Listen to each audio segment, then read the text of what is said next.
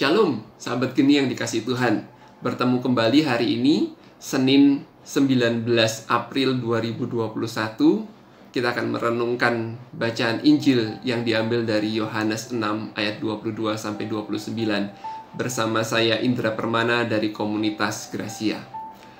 Ada satu hal yang menarik ketika kita membaca Injil hari ini, yaitu jawaban Yesus kepada orang banyak. Yesus menjawab, Pekerjaan yang dikendaki Allah adalah hendaknya kamu percaya kepada Dia yang diutus olehnya. Saudara-saudara yang terkasih di dalam Kristus, percaya kepada Allah disebutkan sebagai suatu pekerjaan yang memerlukan sebuah usaha. Mengapa dikatakan sebagai sebuah pekerjaan yang memerlukan sebuah usaha? Karena pertama kita adalah manusia yang lemah. Kita hidup di dunia ini, di mana kita di satu hari bisa percaya kepada Yesus di dalam mulut kita, tapi di saat yang sama atau di hari yang lain, kita bisa percaya kepada iblis atau tipu daya dunia. Saya punya pengalaman.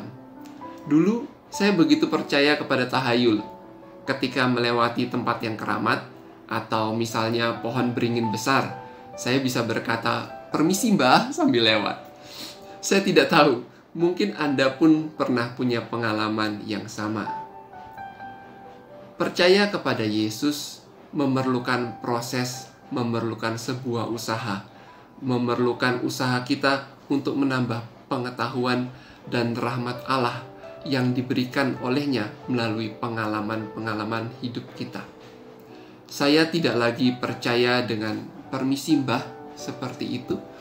Ketika saya belajar, ketika saya membaca di 1 Korintus 3 ayat 16 yang di situ tertulis tidak tahukah engkau bahwa tubuhmu adalah bait Allah?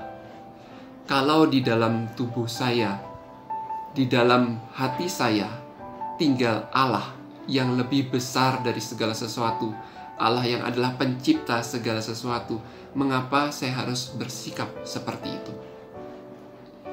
Saudara-saudari yang terkasih di dalam Kristus, pengalaman kita, pengetahuan kita, adalah sebuah usaha yang bisa kita lakukan, tentu dengan rahmat Allah. Melalui Injil hari ini, di masa Paskah, Yesus ingin mengatakan kepada kita untuk terus berusaha, semakin bertambah dalam iman, kasih, dan pengharapan akan Dia. Yesus sudah wafat, Yesus sudah mengalahkan dunia, dan kita diberi rahmat untuk mengalahkan dunia ini sebagai anak-anak terang pertanyaan untuk refleksi kita hari ini.